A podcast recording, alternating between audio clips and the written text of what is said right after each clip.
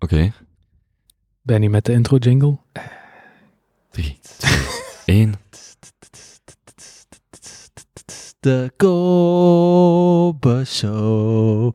De Kobe Show. De Kobe Show. De Kobe Show. Woe! Stevig. Vandaag met uw gastheer Koben. En blijf ik aan. Holy shit. Oké. En we zijn weer begonnen Ehm, met uw gastheer. ja, dus ehm, ja, met uw gastheer. Nu voel, ik, nu voel ik zo direct alsof ik een radio-dj ben die direct moet weten wat hij moet zeggen. Mhm. Ehm, Oké. We zijn vanavond samengekomen. Oh, dat klinkt zo. dat klinkt zo het- Beste gelovige. eh, Ehm, ja, het idee was om vanavond een opname te maken rond een specifiek topic. Vriendschap. Maar na daar even over gepraat hebben, hebben we toch beslist om rond iets anders te spreken. En dat is namelijk datgene waarvoor wij samenkomen. En wij zijn Jonas en Benny. En ik ga jullie zo dadelijk vragen voor te stellen. En wij gaan vanavond bespreken hoe en waar en waarom en wanneer wij zijn samengekomen. En hoe dat daar de Junto is uit voorgekomen, voortgekomen, wat dat is. En eh, dan gaan we daaraan beginnen. En over een uur zeggen we, eh, over een uur stoppen we, eh, ronden we af. En dan, eh, als we het leuk vonden, gaan we dat gewoon wekelijks doen. Elke maandag. Nee, dat is niet waar. Regelmatig. Maar ik ga eerst jullie vragen om u voor te stellen. Met mij beginnen of met Jonas beginnen? De Benjamin. De Benjamin. Oké. Ja, dus mijn naam is ehm, Benjamin IJzermans. Ehm, Ik bedoelde eigenlijk Benjamin de jongste. ah ja, Snap je? zeg jij? Ja, ik denk het wel. 92. Oh ja, ja. Die jongen. De nauwe rot. Ja, ja. Doe maar. Eh, ja, ik ben dus Jonas Jansen. Eh, afkomstig uit het mooie Limburg. Woon nu twee jaar in Antwerpen. Ik werk als IT-projectmanager. Ik ken Kobe al heel lang. Benjamin iets minder lang. Ondertussen toch ook al eh, een jaar. Nee, Oh, twee jaar. Twee jaar. denk. Twee jaar. Ja, Oeh, wow. amai. Ik begin allemaal te tellen. Ehm, voor de rest, knappe vriendin. Die zit nog thuis ziek te zijn. Wacht, Mm. doe even het ASL-page-formaat. Zelfpage. dus age, Age, eh, ondertussen 27. seks, man, nog altijd. Ja, ook op dit moment. ja, ja toch wel. Location eh, van Schoonbekenstraat. Alright. In Antwerpen. Ja, zeker. Ah, je moet echt die straat zeggen, waar dat je nu woont. Ik, ik had al bijna de nummer gezegd uit, uit eh, gewoonte, dat gaan we er toch aflaten. Ehm, ja, je mocht het ook gewoon eh, generiek houden, zoals Mm. eh, Antwerpen. Ehm, ja. En, dus, ehm, en, en, en, eh, En, mm, en nu de vierde keer op de podcast, denk ik. ja, ja, Ja. ja, toch wel. Alright. Oké, dan poging 2. ja, eh naam is Benjamin IJzermans. Ehm, dus A- ASL, hè? Ja. Ja. Ja. Eh, Age, location. Ah ja, oké, ja. Dus eh 28 jaar, eh toch nog voor een week of twee. Ehm, man, ja, Wanneer verjaart jij? 5 oktober. Alright. Birthday podcast, komt eraan. Yay.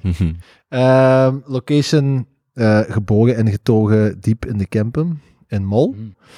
Maar eh, een jaar of tien geleden daar vertrokken. Eh, dan vijf jaar in Leuven gewoond en ondertussen ook al vijf jaar. Dit is het vijfde jaar, denk ik, in Antwerpen. Netjes. Yes. Visionair. Volledige titel, alstublieft. Heftig, jongen. nee, absoluut niet. Ehm, maar eh, in het dagdagelijkse leven ehm eh, zelfstandige. Je moet die microfoon iets dichterbij. Zel- sorry, zelfstandige. eh, een zaak begonnen na mijn studies, of tijdens mijn studies, met mijn vernoot Axel van der Donk. Eh, die zaak noemt Bouw Living. En wij maken producten voor goedkoper en duurzamer te kunnen bouwen. Ja, en we zijn daar nu... Dit is het vijfde jaar dat we daarmee bezig zijn. En dat begint eindelijk een beetje te lopen. Alright. Yes. Goed, dan, ehm, we zijn twee jaar geleden, ik denk dat dat de, het voorjaar van 17, Uw eigen voorstelling. ik ben komen. Uh ASL. Ik ben eh, bijna 28. 10 oktober is eh, die van mij. Oelala, Ja. dichtbij in. Dus dan kunnen we een uh, verjaardagschipperskwartier organiseren. Ik zal het keteltje laten weten dat je komt. Alright. Um, dus bijna 28. Man en uh, gewoon een uh, Antwerpen. Uit Genk. En dat is het. Mooi. Ik was, ik was uh, een korte anekdote. Ik was overlaatst op een familiefeest in Genk. Daar zeiden mensen, je begint meer te spreken als een Antwerpenaar. En Antwerpenaren hier zeggen altijd, je spreekt echt als een Limburger. Mm. Dus... Uh, ja, als je te lang uh, van je geboortestreek weggaat, dan, uh, dan krijg je zoiets ertussenin, hè. Gelijk Maarten, ja, die kennen jullie ook. Hè? Mm. Um, voor ons op en top Nederlander. Als Ja. hij nu terug naar huis gaat, dan want hij zo wat Nee. ja, naar buiten gekeken als uh, de halve Belg. um, Oké. ja. Ja, er zijn er nog. Er zijn veel van die eh, baristas en mensen die uh, koksopleiding doen en Nederlanders die naar Antwerpen of België komen. Ehm, blijkbaar omdat die hier die opleiding heel goed is, of die cultuur daarvan. En uh, daar word je daar vaak bij. Mm. Anyway, ehm, wij zijn twee jaar geleden, ik denk dat dat begin 17 of de zomer van 17 was, uh, toen ik op de België-lei, um, samengekomen. Dat was echt, um, ik denk dat de eerste keer dat wij samenkwamen dat het nog vrij koud was. Dus dat gaat begin 17 geweest zijn. Ja. Want ik ben eind 16 naar Antwerpen verhuisd, dan met Franco samengezeten en die heeft dan gezegd, kom een keer langs. Hm. Um, dus anyway, dus 2,5 jaar geleden ongeveer. Toen zijn wij samengekomen uh, onder de noemer de Crypto Boys. Mm. Top benaming. Ja. ja. En misschien de korte geschiedenis schetsen, maar vul mij bij als ik gaat in mijn uh, geheugen heb. Dus uh, begin 17, jullie deden dat al, uh, denk ik. Jullie deden al met een aantal maten. Goh, nee, ja. Nee, ik denk dat het idee was ontstaan dat wij waren al wel een tijd allemaal met crypto bezig. En met bezig zijn bedoel ik gewoon wat kopen en verkopen. Ja, ik, ik, ik had mijn eerste bitcoins gekocht op mijn 22e. Uh, ja, ja, dat was uh, een, een twaalftal op dit moment. Um, visionair. ook zo visionair geweest om ze dan in 2016 bijna allemaal te verkopen. Ja. um, maar um, ik denk dat wij toen twee keer of zo waren samengekomen. Dan waren Ja. er wel mensen van Mol. Ja, ja, ja. ja want dan zijn uh, Jonas en ik daarbij aangesloten. Hm. Um, en ik weet dat wij op een bepaald moment in de zomer van 17, op een bepaald moment, dus wij waren met pak 10 mensen of zo, 8 of 10 meestal. In het begin, hè?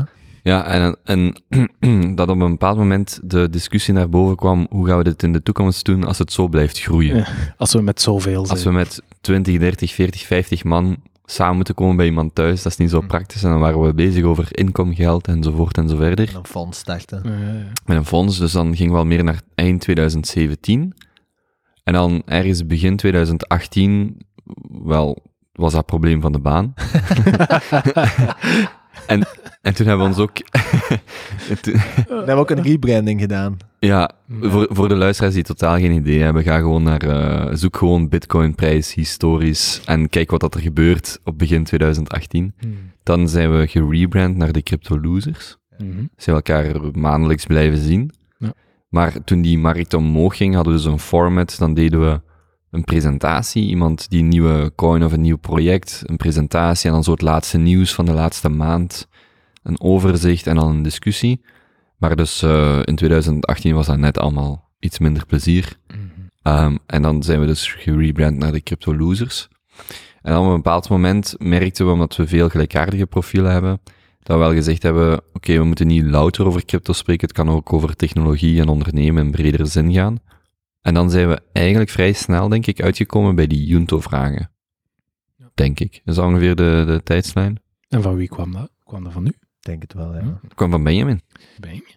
Ja, ik had uh, jaren geleden al de autobiografie van Benjamin Franklin gelezen. Mhm. Geschreven door Walter Isaacson, die nou ook die biografie van Steve Jobs heeft geschreven. Daar is in het bekendst mee. De biografie van, Walter, van Benjamin Franklin is van Walter Isaacson en de autobiografie is van Benjamin Franklin zelf. Want dat zijn twee verschillende boeken. Zeg, autobiografie? Ja, Ah, ik bedoel, voor de, ik bedoel de biografie. omdat beide, en het is niet om te mierenneuken, maar omdat beide boeken vrij goed zijn. Zowel zijn autobiografie van Franklin zelf, als de biografie van Franklin, over Franklin van Isaacson. Ja, ik heb dus die, die tweede gelezen, hè, dus de biografie van, van, uh, van Isaacson.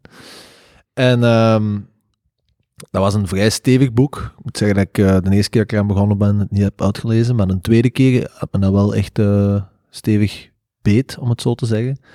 Ehm, en ja, buiten het feit dat die man een super interessant leven heeft geleid natuurlijk, en dat dat een zeer aangenaam boek is om te lezen, gewoon puur daarvoor, kwamen er ook wel een paar zeer nuttige zaken in naar voren, eh, waarvan één dat ik toch wel had onthouden, is dat hij altijd aanhaalde dat als er één ding was waarvoor hij dacht dat hij volgens ja, bepaalde criteria succesvol was geweest in zijn leven, um, haalde hij toch altijd het voorbeeld aan van, ehm, van zijn, ja, zijn Junto, Hmm. hè, wat op zich een vrij vreemde naam is. Ehm, maar wat er eigenlijk gewoon op neerkwam, is dat altijd waar, als hij ergens in een nieuwe omgeving terechtkwam, hè, want hij heeft toch wel op veel plaatsen gewoond, dus Amerika, maar verschillende steden, maar dan ook in Frankrijk eh, en in Engeland, dat hij altijd zo snel mogelijk probeerde om een groepje gelijkgestemden bij elkaar te brengen. En daarop eh, frequente basis, ik denk dat zij wekelijks samenkwamen, maar Mhm. ben, ben ik niet op vast. Ehm, en dat zij een vaste vragenlijst afgingen. Ehm, de Junto-vragen, en die stonden dan ook in die boek. Is het nu Junto of Junta trouwens? Junto. Junto. Ja, Hm. Junto. Ja. Ja. Ehm, ja, en dat was mij wel bijgebleven. Dus ik weet nog dat wij toen, denk ik, bij u op het appartement waren Ja, samengekomen. dat zou kunnen. Ja, we waren toen nog aan het koolhausen. Ja, ja, ja. Ja. Ehm, en dat we toen op zoek waren naar een nieuw format. Mhm. En toen schoot me dat te binnen. Ah, op die grote sofa. Ja, zeker. Was dat de eerste? Junto? We hebben ook eens rond de tafel gezeten. Rond de tafel, ja, die... eh, twee keer daar geweest. Ene Ja. keer toen we met het meeste ooit waren voor de Crypto Boys. En dan Mm. toen het helemaal gekelderd was naar de Junto. Ja, Ah, eigenlijk gewoon een nieuw begin. Het was een mooi. het meeste ooit. Toen waren we toch echt op een gegeven moment met Maar ja, die, ze- 20 man of zo, hè? die zetels zaten vol en er waren stoeltjes en een projector. Dat was bonkers. En, Jesus. en mijn roommates dachten allemaal, what the fuck is dat hier? Ja. En nu ter referentie zijn we zo met vijf, zes vaste. Ah. Groepje van zes. Ja, ja. Maar wel de, de beste. Ja. Maar ehm, goh, dat was echt dat. Als je eraan terugdenkt, ik weet nog dat de, de Indie, ik weet niet of je die nog kent, Goh, die naam zegt me iets. Maar... dat is ook zo'n maat van ons van Mol. Hmm. Ehm, en die was ook vrij vroeg met, eh, met crypto bezig, vooral met ethers, ehm, of met E- Ethereum. Hè. Ehm, sorry Jonas. Geen erg. En, eh, en die, eh, ik weet nog dat hij zei tijdens een van die bijeenkomsten van, dat hem uit, uit de markt was gestapt. En dat was ergens eind 2017, dus hij had op de, op de juiste moment eruit gestapt. Dat is mooi gedaan. Ja, en ik weet nog dat zijn, zijn, ehm, zijn, eh, zijn moment waarop dat hem dacht, oké, het is moment om te vertrekken, Hmm. was dat hem bij zijn garagist kwam of zo, en dat die man tegen zijn collega bezig was van, hey, maar na heb ik iets gekocht in vorige week. Ja, ja. nou heb ik iets gehoord. Ik heb mijn god al 50% verdiend. En Hmm. ja, toen als hem dat hoorde, toen zei hij hem, oké, ja, tijd om te beschikken. Ik heb ehm, vorige week iemand geïnterviewd die dus eh, op dat moment een eh, 13 miljoen dollar eruit heeft gehaald en daar een boek over heeft geschreven sindsdien. Eind 2017. Ja, en die heeft dan de laatste twee jaar daar een boek over geschreven. Eh, best wel, en het boek leest ook fijn. Zo, ik ga niet Michael Lewis vernoemen, want dat is echt topstijl. Ja, ja. Maar het heeft een vlotte, een vlotte narratieve stijl. En hij had, hij heeft 100.000 dollar ingelegd en dan een 200.000 dollar mortgage op zijn, eh allee, zo'n, eh, maar zijn, zijn huis was wel een miljoen waard. Dus die 200.000, dat was dan 20% van zijn huis. Ja. En dat is Ja, maar dan nog, ja. maar dan nog, en vader van drie kinderen ook. Want ik, in het Oh. interview zei ik ook, ik was een boek aan het lezen. Ik zo, het leest fijn, maar op sommige momenten dacht ik echt van, wat dwaas. Ja, Maar in ieder geval, hij heeft dan in totaal 26.000 ether kunnen kopen. dus, Ja, Wanneer is in dat ding gestapt? ehm, 2015. ja, nee, 15, 16. Ik denk dat zijn gemiddelde aankoopprijs was 12 dollar of zo. Man, ja. Dus, eh, en hij heeft nu nog 4000, wat nog steeds, dat is nog steeds eh, op dit moment 800.000 dollar, als ik het goed heb. Ehm, ik heb geen idee wat. Ja. ja, zoals, en dan, heeft hem, en dan is hem uitgestapt met eh, zo, allee, aan 13 miljoen aan 900, toen Ether aan 900 dollar stond of zo. Heeft hem er dan zo 10.000 of zo verkocht. Maar dat boek ook zo, dan op een bepaald moment denk ik dat er zo'n SIM-swap gebeurt met zijn, met zijn account, dus dat hem eruit, ge- eh, leest allemaal wel vrij fijn. Maar je spreekt over bedragen dat echt zo super zot is. En vaak dat, En eigenlijk, eigenlijk de held van het verhaal is zijn vrouw, omdat daar leert hij nog het meeste van. Want hij is er dan zo super diep ingedoken, gelijk denk gasten Ja. in het algemeen dat wel kunnen, echt zo heel nerdy. Ja, ja. En dan zo, en dan zo op een bepaald moment zegt hij zo, ja, er staat 2 miljoen dollar op de rekening. En dan is zijn vrouw zo, oké, goed, snap wel. En hij zo, what the fuck, wat, zit je er niet blij mee? En zo, zij zo, ja, oké, maar morgen moet ik evengoed de kinderen eten geven, en evengoed dit, en evengoed dat. En zo, dat, in, dat, in dat boek is dat, eh, is die dualiteit wel heel leuk, Mhm. tussen hem en haar. En, en wat heeft hij dan gedaan nu? Of wat doet hij nu? Een boek schrijven. Ja, een boek schrijven. Hij is gestopt met werken. Ja, ja. Dat is ook zo'n beetje het, eh, het, het verhaal van zijn boek, dat hem zo Corporate America kotsbeu was. Oké. En dat hem dan zijn, eh, zijn ding, zijn uitlaatklep in eh, crypto vond, of in Ethereum specifiek, want daar zat hem grotendeels in. Hm. En dan nu ook ja, het grote geld heeft verdiend, die 10 miljoen of zo in totaal was het. En, ehm, en, en ja, nu zal hem, weet ik veel wat het hem nu gaat doen. Maar nu is het ook zo interessant, zo, want dat vroeg ik hem op het einde nog van, eh, ja, wat doe je nu, hè? Je hebt je 10 miljoen, Ja, of ja. hoe, Ja, hoeveel voilà. het ook is. Mm. Je zit 44, je hebt drie kinderen. Oké, het geldprobleem is opgelost, maar de rest. Want in zijn boek schrijft hij ook heel veel over zijn depressie en zo zwaardere momenten. En op een bepaald moment is dan zijn, zus of zo gestorven of zoiets. Dus dat is ook zo, om maar te tonen dat dat niet, dat, de, dat is maar één aspect, maar hij heeft nog al die andere problemen. En vroeger heel veel drank en drugs en bla bla bla. Dus dat is op zich wel, anyway, wel een aanrader. Ja. Vanuit die periode ook van eind 2017. Maar die, die mens was nu wel gelukkig. Ik weet het eigenlijk niet. Dat was wel wat zotte. Ik denk dat hem, ik denk dat hem, dat, eh, dat hem, obviously, dat hem minder geldzorgen heeft. Hmm. Maar hij je creëert gewoon andere zorgen, hè. Je hebt ineens 10 miljoen van, ah, kan ik daar überhaupt over spreken? Want dan word ik ineens een doelwit. En wat ga ik daarmee doen? En wat ga ik daarmee doen? En hoe voed ik mijn kinderen op als we ineens geld hebben? Hoe, hoe, dus, ik, ik, weet niet, hij zag er gelukkig uit. Ik denk dat hem gelukkiger was van dat boek geschreven te hebben, dan Hmm. effectief die, of dat nu 10 miljoen was, of 1 miljoen, of 100 miljoen. Ah, er is daar een minimum natuurlijk, Allee, er is daar een, een ondergrens. Maar ja, En vind je dan dat je daar echt iets van te leren hebt uit dat boek, of is dat puur als entertainment? Want het klinkt meer Hmm. als het boek over survivorship bias. Zo, ja, ja Een lotto-winnaar gaat Ja. ook zeggen, zet al je geld op. Nee, sowieso. sowieso is dat aspect er. Wat ik wel, wat ik er wel van, denk ik, leer of interessant vind, is dat je ziet, als je, als je geen plan hebt, als je geen idee hebt over waar je in zit en wat er kan gebeuren, hoe dat, dat allemaal kan ontsporen en hoeveel, dat is zo'n beetje zo, gelijk het verschil, geef iemand 100.000 euro, Hmm. of geef iemand 2 miljoen en vraag 1,9 terug. Die hebben beide alle 200.000 euro gekregen, maar de ene gaat veel meer tevreden zijn dan de andere. Dus dat is zo, of geef iemand 2 miljoen en zeg, ah, sorry, foutje, je geeft 1,9 miljoen terug. Dat is een heel ander, dat is een heel ander, dat is een heel andere perceptie, eh, of een gevoel. En dat lees je dan zo door dat boek, dat je denkt van, ah ja, maar hij had eigenlijk alles om tevreden te zijn, maar nu heeft hem dat over het hoofd gezien, of dat over het hoofd gezien. Hm. En dan is hij gewoon manisch depressief, omdat iemand gewoon iets meer heeft, of iets dit. En dat vind ik dan wel interessant, zo, omdat je echt het ook vanuit zijn autobiografisch standpunt ziet. Zo van, ah, maar wacht eens, er zijn daar ook nog wel andere problemen. En dat, de heel het stukje van survivorship bias, ja, ja, ja je moet gewoon de juiste no- nummertjes in Ja, de lotto waar. kopen. Ja, is- Maar ik, ik vond het wel zo'n tof perspectief. Meestal leer- lees je dan de journalist of de Michael Lewis bijvoorbeeld dat over zo'n verhaal schrijft en dan denk je, oké, dat is heel cool en dat is wel gedramatiseerd. En dit is zo wat rauwer. En ik vond, ja, ik vond het wel waardevol. Ja, ik geloof er ook wel heel sterk in dat. Alleen je hoort dat toch dikwijls van die mensen die dat dan onverwacht een financiële serieuze meevaller hebben. En dat kan dan met crypto zijn of met de lotto of mensen die daar een zaak verkopen of, of Goed trouwen. Goed trouwen. Goed scheiden. Goed scheiden, ja, ja zeker. Ehm, dat die, ehm, of, of sp- sport, sportmensen, Mhm. dat die ehm, genoeg geld hebben voor zogezegd al hun zorgen kwijt te zijn, maar dat dan eigenlijk pas dikwijls de miserie begint, omdat die geen uitdaging niet meer hebben in het leven, omdat die Mhm.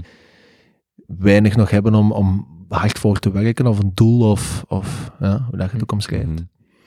En eh, dat dat toch heel dikwijls leidt naar eh, zeer tragische verhalen, hè? depressies en Zeker. kan ik inkomen. Gigantisch zo.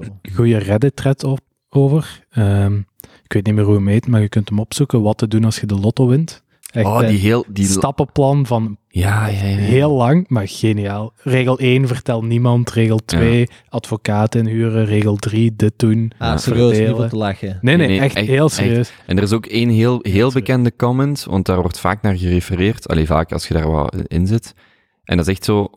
Dus die comment begint van, oh, oké, je hebt miljoenen verdiend, now you're fucked. Ja. En echt zo, Oh ja, dat is die. you're really, Ja. really fucked. En dan echt een heel overzicht van ook zo gasten, van bijvoorbeeld, dat gaat over de dwaasste dingen, hè, maar dan geeft hij een voorbeeld van een gast, ik denk dat hij 130 miljoen dollar, dus die had 300 miljoen gewonnen, maar als je dat dan in één keer wilt, dan heb je nog, eh, dan is dat 200 miljoen en dan nog taxes, bla, dus Ja, wat, er schot 100 of 130 miljoen van over. Mhm.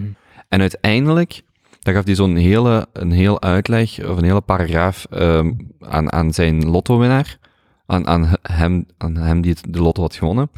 Maar dan kwam het erop neer dat hij bijvoorbeeld iemand geld had geweigerd. Dus iemand komt naar hem toe van zijn vrienden of familiegroep en zegt, ik heb 2 miljoen dollar nodig voor een bedrijf of bla bla. En jij hebt dat toch? En hij zegt, ja, maar ik ga je dat niet geven. Uiteindelijk gaat dat bedrijf failliet en hij is aangeklaagd omdat hem dat geld niet heeft gegeven en zo heeft hij rechtszaken verloren.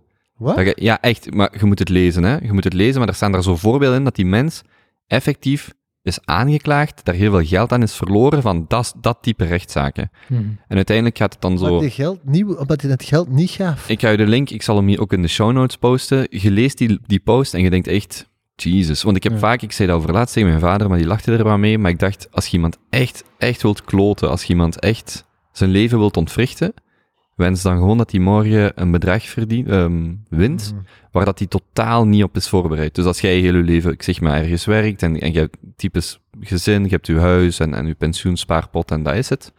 Als je morgen 50 miljoen wint, wint, dat is echt, dat is de beste manier dat je iemand, Hm. denk ik, op een niet, je kunt er zelf niet voor aangeklaagd worden, maar dat je echt iemand zijn leven onderuit kunt halen. Want ineens, alles waar je denkt waar je voor staat, al je vrienden, alles wat je met je leven hebt gedaan, is gewoon, wordt gewoon op zijn kop gezet. Mhm.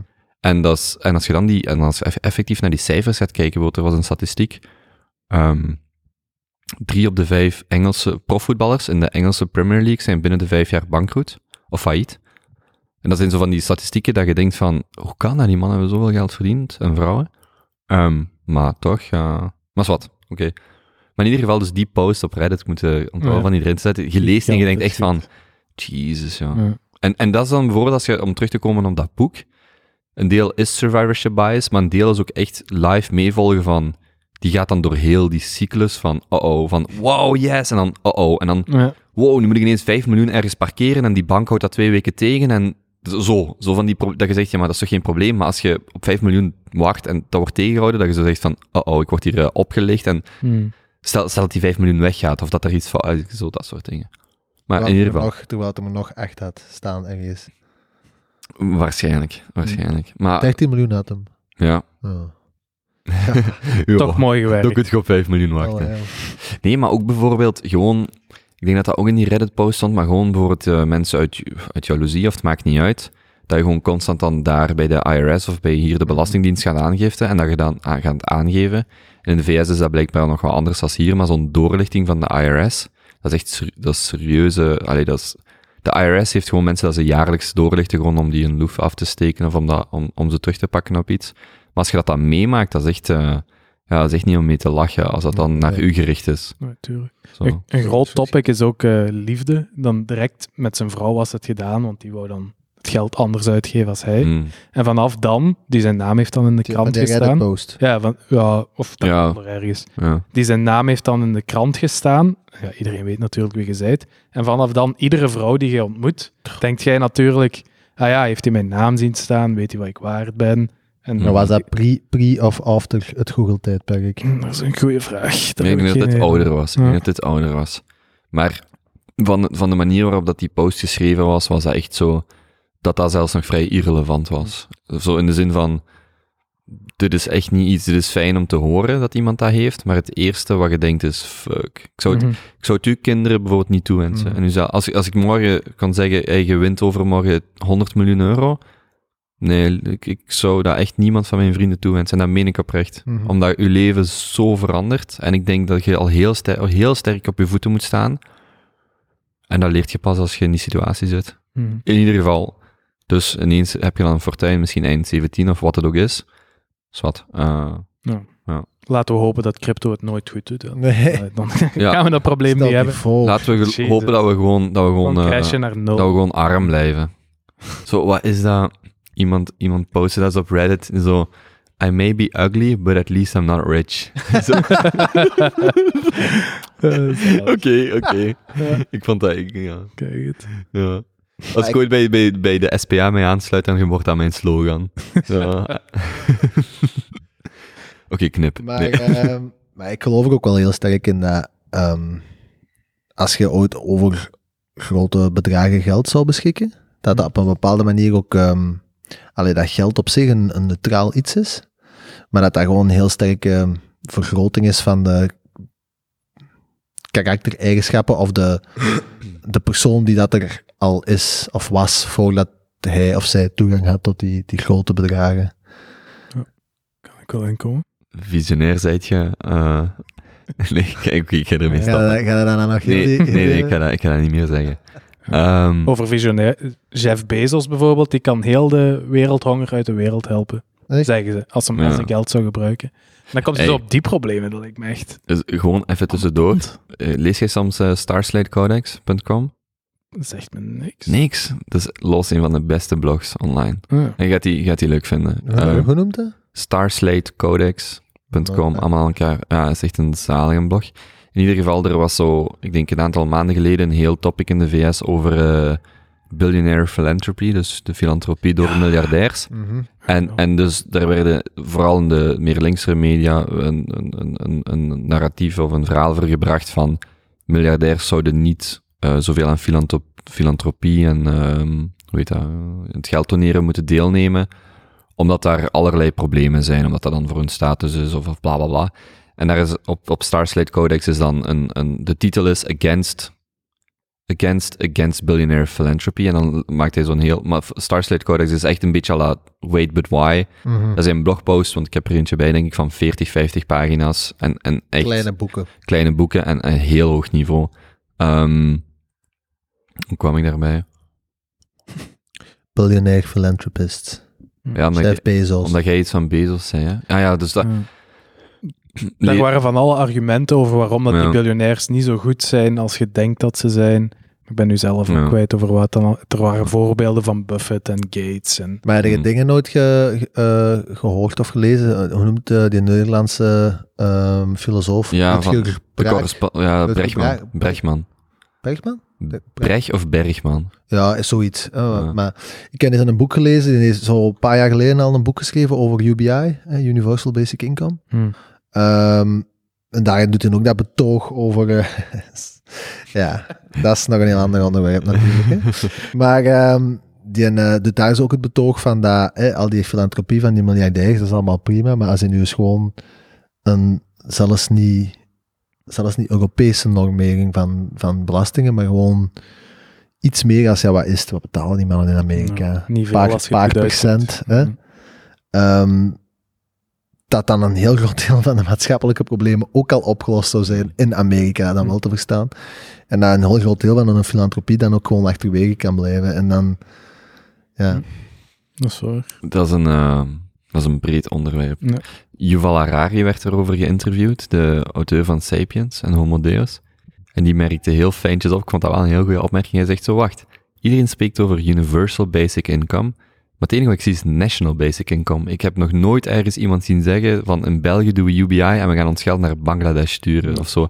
Dus het is, al, het is gewoon al de term UBI, daar kun je Mhm. lang over discussiëren, want het is eigenlijk gewoon wij in ons groepje. Maar is wat, dat, ik denk dat ons dat heel ver weg gaat Ja, ja, we een keer kunnen, Daar, Dat is een kunnen we he- daar kunnen we een podcast, hele podcast over doen. of gewoon over, over politiek bijvoorbeeld. Goh, ja, dat is ook wel leuk. kan ook wel heel pijnlijk zijn.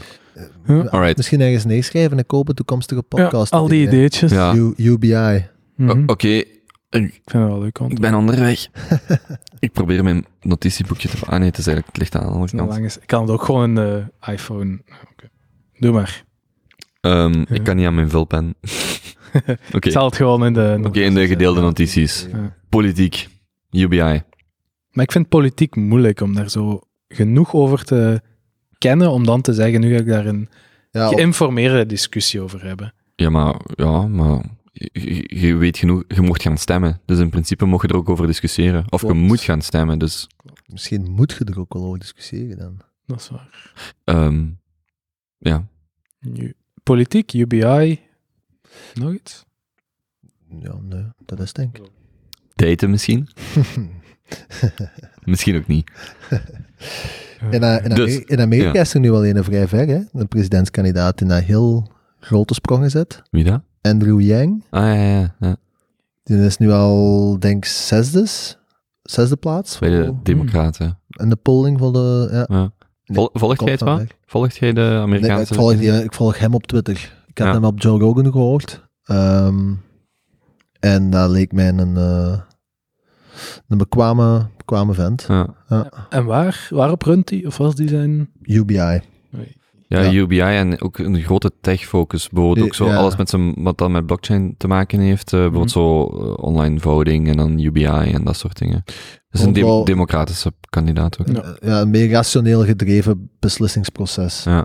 Ja. Ik vind bij de democraten volg ik eh, Cory Booker, ehm, Andrew Yang en Tulsi Gabbard. Tulsi Mhm. Gabbard vind ik heel sterk, is een heel sterke kandidaat. Maar ik denk dat eh, Trump eh, herverkozen gaat worden. Het Hm. maakt niet uit wie de democraten gaan sturen. Denk, Vrees denk ik voor. Joe Biden natuurlijk volgt iedereen, maar ik weet niet. Ik vind dat die, van wat ik ervan weet, veel te verdeeld lijken. Maar wat had die, je hebt die, die in Bucharest, of hoe noemt hem? Dat is de hoogopgeleide ex-Navy, of, Hmm. Of hoe noemt hij die, wat jij nu juist gevolgd, er drie. Eh, Tulsi Gabbard, Andrew Yang, ehm, Cory Booker en dan eh, Joe Biden. Ah, Nee, nee, maar Joe nee, Biden is de. Ik heb iemand anders voor. Ah ja, oké. Je hebt nu ook zo'n een, een, een, een homoseksuele, hoogopgeleide. Zes talen sprekende. Hm. En die stond ook vrij hoog, maar die heeft dan iets gedaan. Zo'n En- atletische vent? Ja, ja, vrij atletisch. Maar hij had dan Ja. iets gedaan een paar weken geleden, waardoor hij in één keer echt gekelderd is in de, in de pols. Maar dat Ja. ben ik. Ik vind, dat, ik vind dat wel interessant om te volgen, maar dat zijn zo van die onderwerpen waar je uren en dagen aan kunt besteden. En Ja. eigenlijk is dat... Er, er is niemand eh, dat daar beter van wordt hier in België aan die Nee. presidentsverkiezingen in de VS. Dat is een show. We zullen er volgend jaar wel heel veel over horen. Mhm. Anyway, dus, ehm, dus we zijn dan in 2018 van de Crypto Boys naar de Crypto Losers en dan naar de Junto Boys gegaan. Ik denk Mhm. dat dat de naam was van de groep. Ehm, we zijn dan ook van Slack naar WhatsApp verhuisd, om een of andere reden, eh, logistiek. Ehm, en dan hebben we ook een paar weekends geleden, zijn we, of een paar maanden geleden, zijn we ook samengekomen om een weekend lang te brainstormen over bedrijfsideeën, dingen die we samen zouden kunnen doen. Eh, ik weet niet of we daar echt in moeten in, in, in ingaan, maar om maar te zeggen, die Junto-groep is eigenlijk een, eh, een toffe groep van mensen waar dat we dan binnen, specifiek binnen de Junto maandelijks samenkomen om over dingen te praten. En ik stel voor ehm, dat je de vragen een keer voorleest, die 24. Zijn, heb je ze trouwens in het Engels of in het Nederlands? In het Engels. Ja, En aangezien uw Engels het beste is van ons drie, daar zouden heel veel mensen eh, hard mee moeten mee lachen, denk ik. Ah nee, ik heb ze in het Nederlands. Ja, dan zou ik, dus voor, voor de luisteraar, dus het idee is, als je nog niet mee bent op dit moment, ehm, kunt je ofwel terugspoelen, of het idee is dat je samenkomt met mensen en door die vragen gaat. En in alle eerlijkheid, ik denk dat wij meestal tot aan vraag drie of vier op een avond geraken. We geraken meestal niet vrij verder, onder andere omdat ieder zijn verhaal van de laatste maand moet delen. Sommigen hebben nogal een eh, uitgebreid liefdesleven, anderen Teun. Anderen zijn nogal eh, ondernemend eh, geïnspireerd enzovoort en zo verder. Maar het geeft u een framework of een referentie om eh, te praten over, over de laatste maand of de laatste weken. Dus als jij die vragen eens voorleest. En het is ook vooral iets formeler dan gewoon op café zitten, denk ik. Ja, Wat het verschil wel maakt. ja. Ja, en het leuke denk ik ook ehm, aan die vragenlijst, en dat was ook iets dat je in een boek meekreeg, eh, is als je maandelijk samenkomt en je herhaalt die vragen elke maand, is dat die onbewust, dat die in je onderbewustzijn kruipen of zo. Dus dat je tijdens de maand, als je bepaalde dingen oppikt, dat je jezelf aan toe herinneren van, ah, ja. dat moet ik vertellen tijdens de Junto-bijeenkomst volgende, volgende maand. En dat je dus onbewust meer dingen oppikt en meer dingen onthoudt. Ehm, ja, denk dat dat ook het idee erachter was. Ik denk dan wel dat het bij hen wekelijks was. Ja, ik denk het ook. Maar wat ik wel cool vind, dus we spreken van eind 1700, begin 1800, als ik het mij zo goed herinner. Toen was er eh, geen internet. Ehm, maar ik vind het, dat net dat soort dingen net relevanter kunnen worden vandaag, omdat dat zo oude manieren zijn om, om die informatie of die, die dat samenbrengen naar boven te laten komen. En dat dat net daarom ook, ook vandaag nog heel interessant is. Misschien denken mensen van, ja, 200 jaar geleden was dat interessant, want toen kende ik mijn buren nog, maar er zijn heel veel redenen om dat vandaag nog steeds te doen. En ik denk dat net door het mensen verbinden vandaag, dat je nog veel meer, ehm gelijk iemand zou hier naar luisteren en zo van, ah ja, ik had anders nog nooit van die Junto gehoord, dus ja, probeer dat dan eens gewoon te doen. Breng wat mensen samen en eh, probeer dat. Maar ik zou stel voor dat je de vragen een keer voorleest, eh, dat mensen een idee hebben. Alle 24? Of een paar voorbeelden. 23. Degene Ja. waar wij meestal geraken, de top eh Wacht, of vijf. Jonas en ik gaan om de beurt een cijfer zeggen en dan lees je maar die vraag. Oké. Oké, begin bij één. 1. Ja? ja? Oké, er zijn verschillende categorieën. Ehm, en de eerste categorie noemt: je mag iets delen dat je recent geleerd hebt. En vraag 1 bij die categorie is: heb je recent iets gelezen dat je opmerkelijk of geschikt vindt om aan de Junto te communiceren, met name in de geschiedenis, moraliteit, business, natuurkunde, reizen, mechanische kunst of andere delen van de algemene kennis? Klinkt altijd zo leuk met die du- dure woorden erin. Maar eigenlijk een vrij basisvraag. mhm. Dan ga ik voor nummer 10. 10. Ehm, dat is categorie nummer 3. En daar valt onder, of die categorie noemt, je moet tegen wat geroddel kunnen. En vraag 10 is, even kijken. Je moet tegen wat geroddel kunnen. Ja, ja, ja. ja, ja. Ehm, dus dat is, eh, dat is een, een constante, denk ik, in de menselijke geschiedenis. Ehm, vraag 10. Is er sinds de laatste samenkomst een willekeurige vreemdeling in de stad gearriveerd? Waarover, waarover je hebt gehoord en wat heb je van zijn karakter of verdiensten gehoord of waargenomen? Mhm. Is het iemand die we, indien mogelijk, moeten aanmoedigen of proberen te beperken? Probeer te beperken. Ja. Lekker sneaky. Ja. Dan moeten het toch wel felle mannen geweest zijn dan, als die zo kunnen zeggen wie er nieuw is in de stad en wat hij wat die allemaal doet. Ik denk dat alles was kleinschaliger. Hè? Ja, ook waar. Ja. Dus eh, vraag 6. Vraag 6. Dat is in de categorie, je moest zowel geïnteresseerd zijn in mislukken als in succes. En vraag 6 ehm, gaat over... Ik ben nog steeds aan het lachen met vraag 10 trouwens. Ken, ken je een vreemdeling die gearriveerd is in de stad? Probeer me dat voor te stellen. ja, dat gaan we vandaag niet meer. Hè? Ehm, dus 6. Kent iemand een medeburger die onlangs een waardige actie heeft ondernomen en hiervoor lof of navolging verdient? Of iemand die een groot genoegen fout heeft gepleegd en hierdoor voor gewaarschuwd of vermeden moet worden? Ja, Dus, kent je een, eh, iemand, iemand die iets goed heeft gedaan of iemand die iets slecht heeft gedaan, eigenlijk. dus kent je ofwel een grote held of een dikke loser? Ja, ja, om het clue te zeggen. En als er een grote held is, hoe kunnen we die mens helpen? Of Mhm. ja, hoe kunnen we die mens helpen? Ehm, als er een grote schurk ontloopt, kunnen we die eh, vermijden of ehm, daar andere mensen voor waarschuwen. Ja. Een ideetje. Moesten we dit in podcastformaat doen, is het dan leuk om die, eh, om die categorieën te overlopen? Dat we bijvoorbeeld zeggen, één avond doen we deze categorie, de andere avond doen we die categorie. Mhm. Ehm, is, is, dat, is dat iets eh, wat, wat... Want wij... Want, dus eigenlijk als wij maandelijks nu zijn samengekomen, we doen een aantal vragen en, en daar eindigt het meestal. Maar als we bijvoorbeeld weten dat we een podcast maken, is het ook misschien iets makkelijker om wat bij de les te blijven. Als dat we natuurlijk niet aan het opnemen zijn. Mhm. Ehm, en dat we dan bijvoorbeeld één categorie doen, want ik denk dat iedere categorie zo vijf of zes vragen zijn, klopt dat?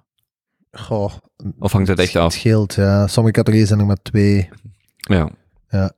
Dus we zouden dan een aantal grote categorieën kunnen nemen en dan misschien de, de kleintjes eh, samen Mhm. duwen. Maar we zijn ook eens een keer van achter begonnen en dat had ik de indruk was iets minder vlotjes. Of, Mhm. eh, dus Ja, de, laatste, de laatste categorie noemt eh, je moest zorgen voor de junto. Ja. Dus dat zijn zowel direct al wat... Wat zeg je nou? Je moest zorgen voor de junto. Je moest zorgen voor de... Ja, Wat dus je dat moet eigenlijk... geweest Je, zijn? je moet zorgen voor de junto. You should... You should You should take care of the junto, I think. Oké. En als je dan zo'n vragen gelijk, eh, heeft u een gewichtige zaak of dilemma in handen waarvan u denkt dat het advies van de junto van dienst kan zijn? Ja, ja, ja. Ja. Ik vind het anders ook wel een leuke. Ja. Ja, dat is wel best nice. Iemand een dilemma. Ik heb 100 miljoen gewonnen. Wat doe ik nu? Loser, niet Daar gaan we wel iets voor gaan naar Reddit. Ja. Trouwens, ik was net, eh, toen jij aan het voorlezen was, heb ik ook even ehm, domeinnamen gecheckt. Ja, Dejunto.be is nog vrij. oké. Wat als ik dat nu gewoon direct registreer, zodat mensen, luisteraars daar naartoe kunnen gaan, zelfs. Nu niet jij dat snel registreren, hè? Of jij daar. Te laat. Nee, maar eh dejunto.be of er is ook nog dejunto.org, maar .be .be, ja. is ook Het is toch in het Nederlands? En junto.be is er niet meer? Nee, dat is, wel, dat is er, maar dat is al genomen. Ah ja, maar de junto.be. En de Junto is nog vrij. Ja, dan zetten die vragen erop, hè. Ja, en dan zouden, ja, inderdaad, dan doen we een link naar deze aflevering en die 23 vragen in het eh, Engels en in het Nederlands. Ik zal dat wel online zetten. Mhm. Ehm, maar dus voor iedereen die dejunto.be. Ik vind het goed. Prima, go for it. Alright, Klinkt. ik ga dat nu registreren. Live, we hebben een primeur. Ik heb dat, dit heb ik nog nooit op een podcast gedaan. Goh. En ik krijg er dejunto.site gratis bij. Maar dat wil ik niet. Wat een deal. Hoeveel, hoeveel eh, URL's eh, heb jij eh, tot uw eigendom? 30, denk ik. Ja? Ja, was, ik, En was het daar zoal tussen? wel, ik ga Wat is de meest spannende dat jij bezit? kopen van rappelen.be. Nee, ik, ehm, Dat is vrij spannend. Ja. Nee, ik, zal, ik ga ze u direct voorlezen.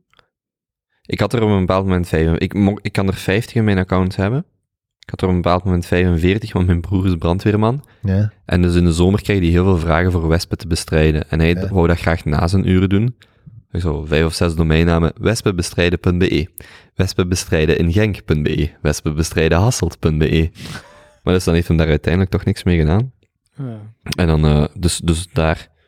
Maar nee, ik heb er op dit moment 18. Ik zal eens voorlezen. Bijvoorbeeld.be, want dat is mijn boek. Eh, Bijvoorbeeld.be. ja, dat is de titel van mijn boek. Belgiumboy.com, want dat is mijn Engelse blog.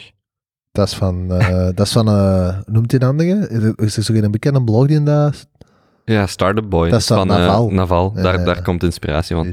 Ik heb ook, omdat ik vorige week met iemand samen zat en het ging over podcasts. ehm, en één manier om snel faam te verwerven in, in de podcastwereld in Vlaanderen is door de, uw eigen podcast awards. Dat is zo typisch. Als je naam en faam in een sector wilt, Hmm. organiseer dan het evenement waar dat iedereen naartoe komt. Ja, ja. Dus ik heb even, ik heb even volgende week, gewoon omdat dat handig is, de podcastawards.be vastgelegd. Podcastawards.be en podcastvanhetjaar.be. En die staan nu allemaal doorgelinkt naar, naar mijn eigen. dus als nu iemand naar podcastvanhetjaar.be gaat, Zalig. dan komen ze op mijn show. Hè. Wij hebben, wij hebben voor, eh, voor de zaak hebben we hetzelfde gedaan. Dus ons bedrijf noemde bouwliving.com. Mhm. Maar voor Vlamingen is het blijkbaar heel moeilijk om eh, een AO. En daar komt hetzelfde voor. Ja, ja. Ehm, dus heel veel mensen zeggen BOA. BOA Living. Dus we hebben alle URL's. BOA Living, BOA Loving, BOA... Ja, al, en alles wat er nog tussen ook allemaal en dat Ja. laten terug herlijnen. Ja, maar dat is echt... ehm, ik denk dat je daarvan verschiet hoeveel mensen dat, dat die typos maken. Maar ik heb bijvoorbeeld ook, om dat af te ronden... We hebben twee jaar geleden een neef van mij getrouwd. Ik ga dat niet voorlezen, maar we hebben dan een filmpje gemaakt. En dat heb ik dan op een website gezet, omdat, ja, hoe ge- geeft je een filmpje af? En dat staat nog online. En dan, ik heb dat Jonas in de week gestuurd, zo 10jarenplan.be. Eh, Dat waren, en, en ehm 10jarenplan.be en tweede graadsdiner, of dat was het, ja, tweede graadsdiner. En dat zijn dan blogposts dat ik heel tof vind, en die heb ik dan vertaald, en dat staat dan als website online. Dat tienjarenplan vind ik trouwens heel cool. Ja, Allee, dat is echt omdat ik dat had gelezen in uw nieuwsbrief. ja, Dat ik die podcast-episode ja episode met Debbie, met Debbie, Millman, ja, ja. Ja, opnieuw heb gehoord. En dat staat nu echt op mijn to-do om dat ook eens te doen. Ja, ja, dus iemand die hier naar luistert moet gewoon naar 10jarenplan.be gaan en daar staat eigenlijk alles op. Maar ik vind dat echt Ja, een zalige oefening. ik heb het wel gelezen, maar ik heb het nog niet gedaan. Het deed Ah. me veel denken aan ehm, self-authoring van Ja. eh, Jordan Peterson.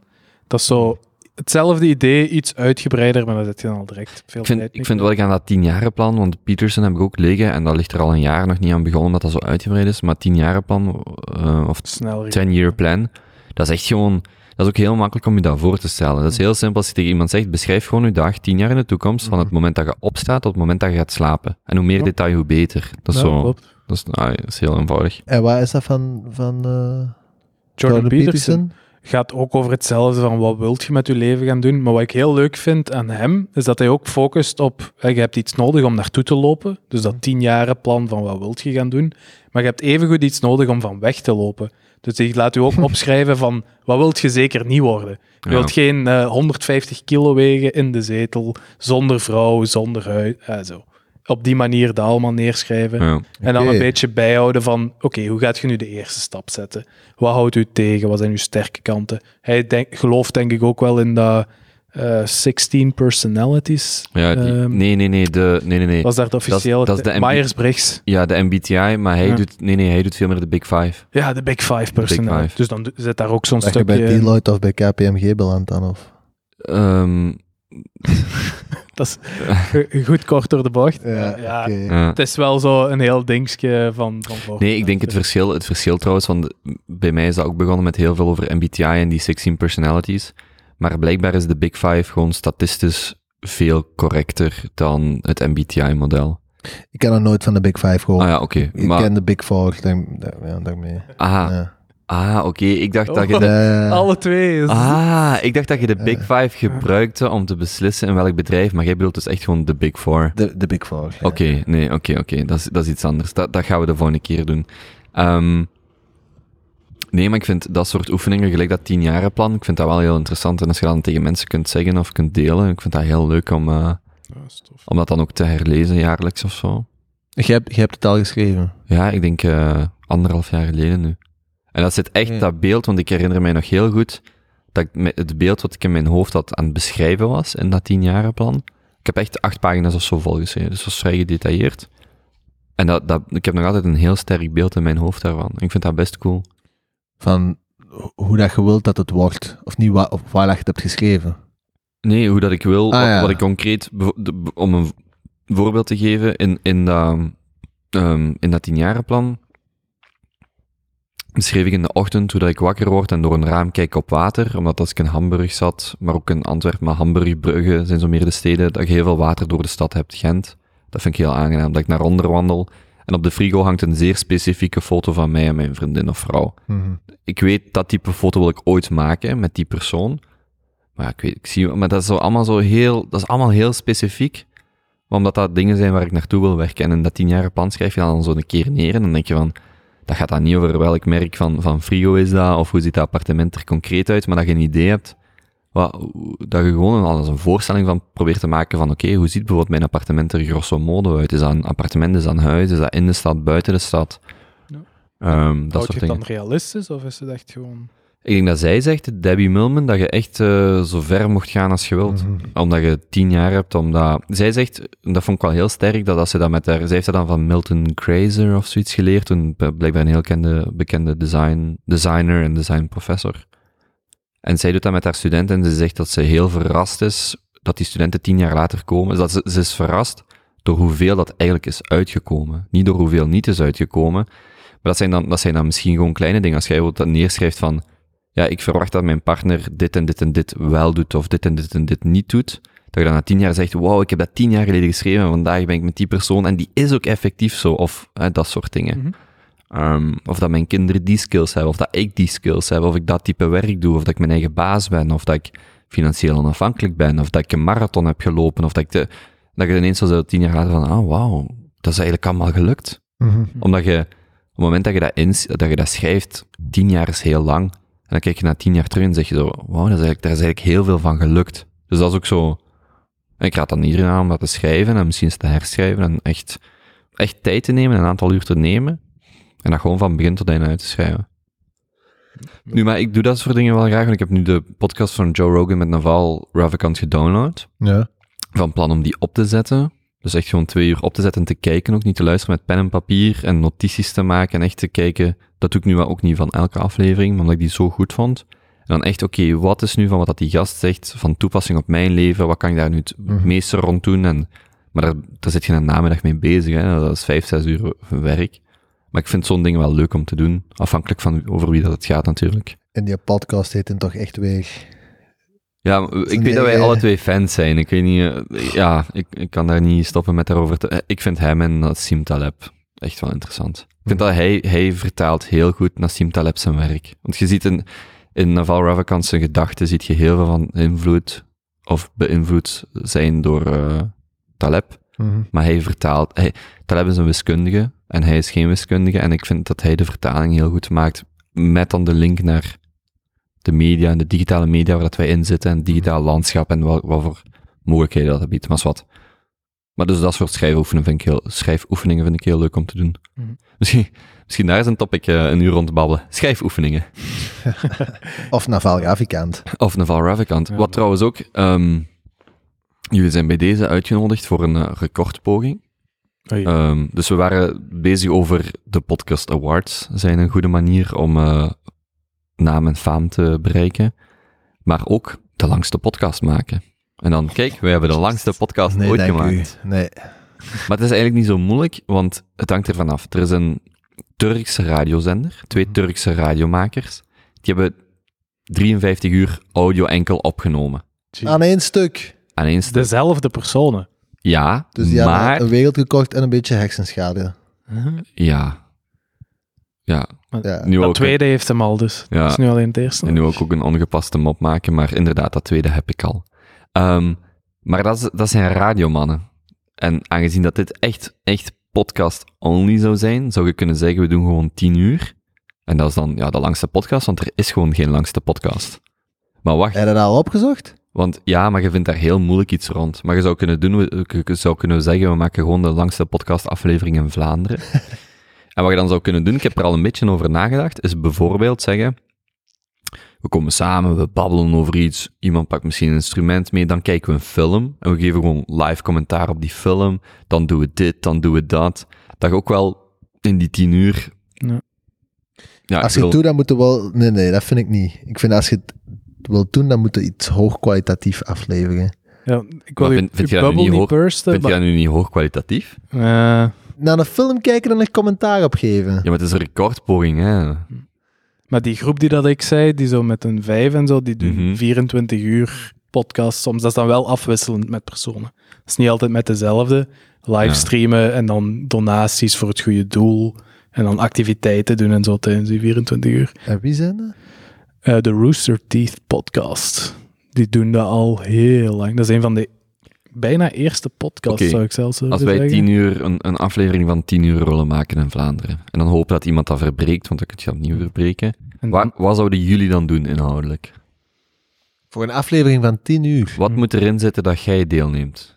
ja, doe eens de Junto volledig. Ik denk dat je al eh, Hm. heel kan al heel grappig zijn, ja, dat kan al Ja. heel grappig zijn. Maar wat- ik zou dat opsplitsen in, ik zou inderdaad rond de middag beginnen.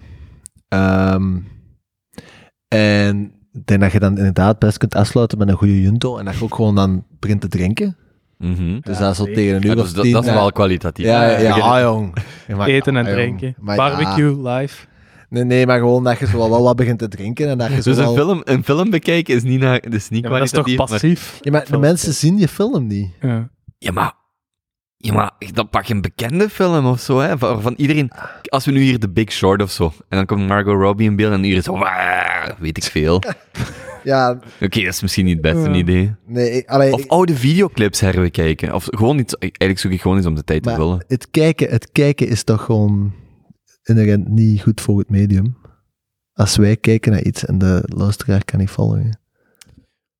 Ehm, maar ik, denk, ik weet niet of dat echt een probleem is in zo'n Nee, maar, maar dus, Hmm. ik, denk, ik denk dat de optimale samenstelling voor zo'n 10 uur, denk ik, hè, top of mind, Ja. als je het mij vraagt, is 12 uur beginnen en twee, drie echt goede interviews met drie echt boeiende mensen. Oké. Ehm, en dan gewoon inderdaad een junto of Ja. gewoon een hoop maten aan tafel zetten en dan beginnen ze. Twee, drie zeer goede interviews. En dan gewoon... Ja, dan beginnen ze op, maar ja.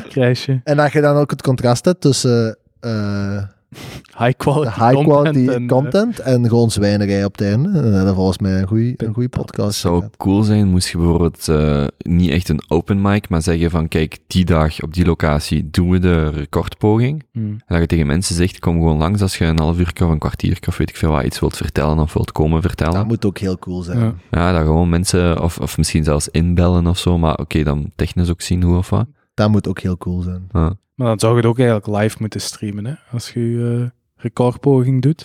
Achteraf zeggen, hey, we hebben tien uur gedaan. Dat is een beetje... Ja, maar ja, dat, dat zit je nu audio ook, hè? Of, of hoe Ja. bedoel je? Ja. Ik weet het niet. Ik vind het zo... Ja, als je dan kunt zeggen, we zijn nu bezig aan onze recordpoging, dat heeft toch veel meer voeten in de aarde dan zeggen, ja, we hebben Ja. twee weken geleden dat gedaan en nu geüpload. Het moet wel heel gaaf zijn als je gewoon een tafel kunt zetten op de grote markt. Of- Ja, En, dat daar, zou eh, en dan gewoon een vlag met langste podcast van Vlaanderen. ja. daar gaat zwijnerij gebeuren achter de hele tijd. Dat is Ja, zo- Ja, je ik- begint dat te livestreamen. Ik ga microfoons huren dan. Ja, en dan, denk en ik dan ook. je zet gewoon jij, jij begint en je begint gewoon uit te leggen. En, Nee, dat is eigenlijk echt nog wel een cool idee. en dan drie, vier mensen. Of drie, vier microfoons. Zeg je, Er kunnen vijf mensen tegelijk bij aansluiten. Of er kan één Ja. iemand. Of... Je zorgt dat er af en toe iemand komt die je verwacht. Ja, ja, ja. Ja, Eh, zo doen. Ja. Dat is zo gelijk de, als je een show geeft, dat er zo'n paar mensen in publiek zitten die toch klappen, als je iets grappigs zegt. Dat er toch een paar zijn. Ja, maar dat, dat verschil met dat je die dan naar voren zou halen en zou zeggen, kom, zet er maar op bij, vertel maar eens wat er zo grappig is. Zeker. Dat is misschien nog wel cool, Ja, als je dat zou doen. wel goede tussen. En misschien dat de grote markt moeilijk is, maar sowieso dat hier Aan het ergens een pleintje... Ja, dat is toch die rotmarkt? Ja, is- ja. Ja. Zou dat moeilijk zijn? Ik weet dat niet. Ik denk dat dat lang gereserveerd is, dat plein. Ja, hangt ervan af. Je Ja, kunt dus vragen. Als je daar gewoon een tafel zet, dan gaat toch geen haan naar kraaien. Zou de, zou de politie u wegsturen, denkt u? Maar je moet dat materiaal er ook allemaal hebben staan. man. ja, maar ja, dat is op zich... Het is natuurlijk, als je, Ja, als je ja. een livestream wilt doen, dat is, eh, dat is wel ambe- ambetanter eh, qua materiaal. Dan heb je echt direct ineens veel meer nodig. Hm. Ook al gewoon qua wifi Ah, ja, of ja, qua ja. netwerk. Ja, ja. Ja. Maar als je echt gewoon audio fir, allee, als je het echt gewoon in audioformaat doet, Dat zou bangelijk zijn, hè? Zo'n- livestream kun je een beetje anders oplossen door bijvoorbeeld daar gewoon ene gsm, een eh, smartphone te zetten op een statief en dan gewoon een goede 4G-verbinding en gewoon één dag streamen. Dat is waar. En dan, dan is je audio gewoon niet zo goed, maar ja, goed. eh, Je is zit ook wel weer met weer dan, hè? als je dat nog wilt doen. Ja. Voor, eh, En dat is zo'n beetje, daarom, dat, zijn, dat, is een, dat is een geweldig idee. Dus gewoon, dat daar, komt, daar veel bij kijken. Doet dat Ja, volgend jaar. Dat zou fijn zijn om gewoon zo de, als je iets doet en iemand verbreekt dat, om dat dan zo te verbreken. Tuurlijk. Dus, dus we zouden het hier bijvoorbeeld kunnen doen, of in een soortgelijke locatie. Hm. En dan eh, ja, een uur of tien, hè? een aantal gasten dan spreken en dan eh Maar dat zal zuipen. vooral voor u eh, zwaar zijn, hè? De, tien, de volledige tien. tien uur. Weet je nog dat we die 24 uur dat evenement hebben Nou, gedaan? dat is wel waar, dat gaat wel. Eigenlijk zo 10 uur valt eigenlijk nog wel goed mee. Hm. Evenement van 24 uur. Dat was leuk, hè? Dat, eigenlijk moest je dat nog eens organiseren. Dat was, hij had dat georganiseerd. En vul me aan als ik dingen vergeet. Maar dan eigenlijk een co-working space gereserveerd, zoals hier In Edegem. in Edegem, in zo'n oud kasteel, Fort, burcht, fort. Ja, voilà. En dan eh, allemaal mensen uitgenodigd die dat, het zagen zitten om 24 uur aan een stuk aan uw project te werken. Voor de rest was dat niet verder afgekaderd. Aan stond uw project. uw Ja, eigen persoonlijk de- project. Hè? De pitch, Ah, ja. was, de pitch was, als je onderneemt of ondernemer bent, zijn er altijd projecten die nog op de plank liggen, al weken, maanden, jaren. En nu heb je 24 uur om daaraan te werken. En Mhm. ik zorg, dus ik, de organisator, zorg voor eten, slaapplek, een locatie, drank. Dus je hebt echt letterlijk 24 uur om daaraan te werken en dat af te werken. En je bent ook wel verantwoordelijk tegenover de anderen, want in het begin zeg Ja. je, dit ga ik doen. En dan na 24 uur was er een korte presentatie. Dat was echt, hè, dat is, oké, ik ga dat geen levensles noemen, maar ik had dus eigenlijk niet echt een format op voorhand. Ik dacht, ik breng Mhm. 24 mensen, ik ben mensen 24 uur samen, ik zorg dat de catering in orde is, de locatie, dat was allemaal in orde.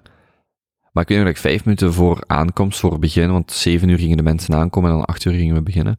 Dat ik dacht, what the fuck gaan wij doen? Zo van, ja, 24 uur, ik bedoel, begin maar, maar... En dan was ik nog even, ik weet nog dat ik op het toilet zat, en dan zo snel zo op Google zo, zo sprints of marathons of zo weet ik, of, of eh, hackathons was aan het opzoeken. En toen ging het over die feedback en op een bepaald moment hebben we dan gezegd, en ik weet zelfs niet waar dat ervan komt, van, je bent nu allemaal hier, er waren 10 of 15 deelnemers, 10 denk ik. En we gaan elke drie uur samenkomen. En in het begin zeg je, dit ga ik, dus hè, we beginnen, we starten. En je zegt, de komende drie uur ga ik hier aan werken. Mhm. En dan drie uur later komt je samen. En dan zeg je, hier, heb ik hier aan gewerkt, ja of nee? Was het grootste probleem dat ik heb opgelost? En wat ga ik de komende drie uur doen? En dat deden we dan elke acht uur. En dat was eigenlijk heel cool dat mensen dan zeiden van, Tegen acht keer. ja, acht keer, Ja, ja, sorry, acht ja. keer elke drie uur. Mhm. Dus dat was dan op het einde 24 uur en dan een presentatie van iedereen dat er nog was. Maar dat was eigenlijk heel cool, want dan zeg je, ah ja, de komende drie uur ga ik dit doen. En dan drie uur later werd je ook verantwoordelijk om dat dan te delen met de groep. En dan zag je ook zo dat mensen begonnen samen te werken. Bijvoorbeeld iemand zei, ik heb een bedrijfsidee bijvoorbeeld, ehm, maar ik heb nog nooit een business model canvas ingevuld. En dan iemand Mhm. anders zei, ah, maar ik kom je wel even een half uur helpen, bla bla bla. Dus dat was heel cool.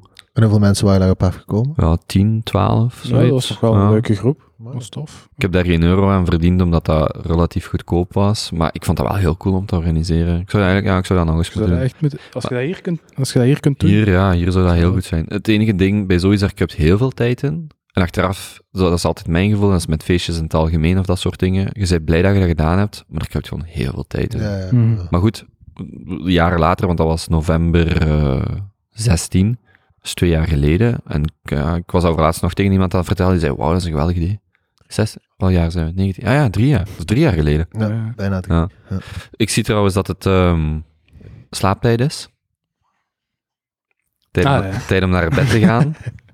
ik, ga, het- ik ga het uur niet vermelden, het is gewoon avond en eh, we zijn om negen uur begonnen. Ehm, dus dat wij stilletjes moeten afronden. De brute stopdrachter. Ja, of, of, No mercy. ja, want jij moet, jij moet vertrekken. Hè. eh. Ja, ja. Heilige stap. Ja. Ehm, Oké, goed. We gingen over de Junto praten. Dat is gebeurd, hè? Ja. Dat is gebeurd. Toch Check. wordt getageld. Maar zie je nu, we zijn een uur aan het babbelen. En dat gaat snel. En eigenlijk, en eigenlijk, dat voelt toch alsof we juist begonnen zijn. Tijd vliegt. Mhm. Ja. Je kunt ook een, Podcast een afvalslag doen. Hè. Gewoon met mensen beginnen een podcast en zien hoe lang het volgt. Oh ja. Gewoon over die tien uur gaan. Wie je, laatste Op opgeeft. het eiland hadden die van Temptation... Nee, niet Temptation. Robinson... Ah, Island... Hoe, hoe- ah, fuck. Hoe heet dat weer? Robinson Island. Heet dat zo? Nee, Nee, joh. Island. Nee, nee, nee. Nee, nee, nee. Dus, die, dus wel die survival tocht, iets met Island. Pff, Jawel. Expeditie Temptation. Nee, joh. Expeditie Robinson. Dat, Ah, ja, dat- Ja, dat, is, ja, dat is de standaard, ja. ja, ja, dus dat programma. ja. Dan gaan nu luisteraars zo gezegd hebben, Expeditie Robinson, idioot. In ieder geval, om promotie daarvoor te maken, vorig jaar hadden ze op het eilandje aan het Mas eh, een wedstrijd uitgeschreven voor kijkers. En daar waren tien podiumplaatsen, zo gezegd. En wie het langste bleef staan, die won dan de reis voor twee naar. Eh, weet ik veel waar. Och ja. En echt, en ik denk dat de langste er 18 uur heeft gestaan, maar ook met regen, ah, water erop gespoten en alles. En die hebben daar gewoon, ja, ik denk acht- 16 of 18 uur gestaan. Gewoon 18 uur recht staan. Ja, dat is ja, ja. achterlingen, man. Ja, Jee. Jesus, ja. Ja, maar- Ja, Pijnlijk. Maar goed, Hm. dus we hebben over de Junto gesproken. Nu kunnen we zien ehm, of we de volgende keer een opname doen met de Junto-deelnemers, ons drie, en dan eh, leuk, nog een paar erbij. Eh, ik zeg het, ik kan tot zes man gemakkelijk opnemen. Eh allee, hun stem opnemen. Ehm, ja, dan zien we wel, hè. Een paar categorietjes selecteren. Ja. Ja. Vond je het fijn, zo eerste keer eh, Ik op- vond het op fijn. de Kobe show? gevoiced. Ja, ik vond het leuk. En Ja. jij, als ik vragen had, jongens? Ik vond het ook wel tof, zo met meer. Dan heb je eh, Ja. ander klankbord, andere meningen. Hoe- Ah, ik ken zijn meningen al heel goed en hij die van mij ook. Dus dat is altijd zo eh, de, de Ja. good old... Soms Dus, We moeten zijn vriendin ook eens meepakken. ah ja, Allee, uitnodigen. Ja. dat is die knappe dan. uitnodigen. uitnodigen? ja, ja, die knappen. Ja. Natuurlijk. Nee, ik bedoel, voor de podcast, hè? Ja, ja. Nee, hey, hey. Waar had jij, Hey. wat, dacht, wat bedoelde jij? Ja, nee, omdat je zegt een knappe. Ja, maar ik bedoel voor te spreken. Ah ja, ja, maar ik, ik Knappe refereerde stem ook, hij zei in het Ja. begin, dat is die knappe. Dan, die knappen. Ah, ja, ja, ja. Ja. Ah, ja, ja, sorry. Ja, ik was niet mee. ja. Ja. Nee, inderdaad, maar er zijn nog zo'n aantal mensen dat ik denk dat het zou tof zijn om die gewoon een keer eh, mee uit te Hmm. nodigen en daar, daar door te gaan. Maar- En ik zou dan ook wel echt op voorhand die vragen delen. En even kijken ook naar die podcast die ik zei, die Rooster Teeth podcast, om te zien hoe dat gaat met vijf mensen. Want dan is het wel echt om te zeggen, als iemand praat, dan gaat je er niet over. Ah, we moeten, En- we moeten regels hebben van Ja. één gesprek ook eh, per keer sowieso, maar ook laat elkaar uitspreken en dat soort dingen. Ja. Goed, Kijk, goed. Alright. Hoe, wa- hoe was het voor u komen, met drie?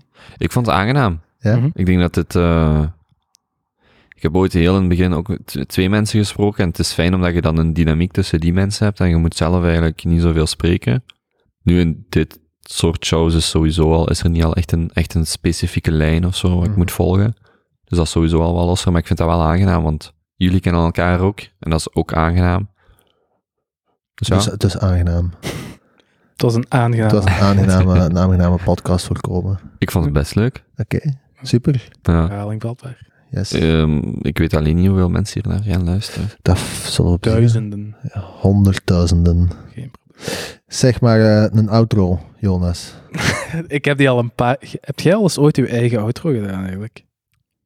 Sinds wanneer moet iemand zijn eigen outro maken? Ik ga er gewoon nog eens voor. Kom best.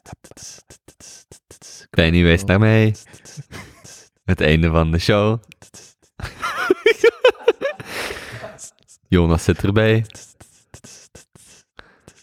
Ja, weet je veel. Goed gedaan, ja. Bye. Oké, Ik goed. hem nu weer. Ik doe op stop.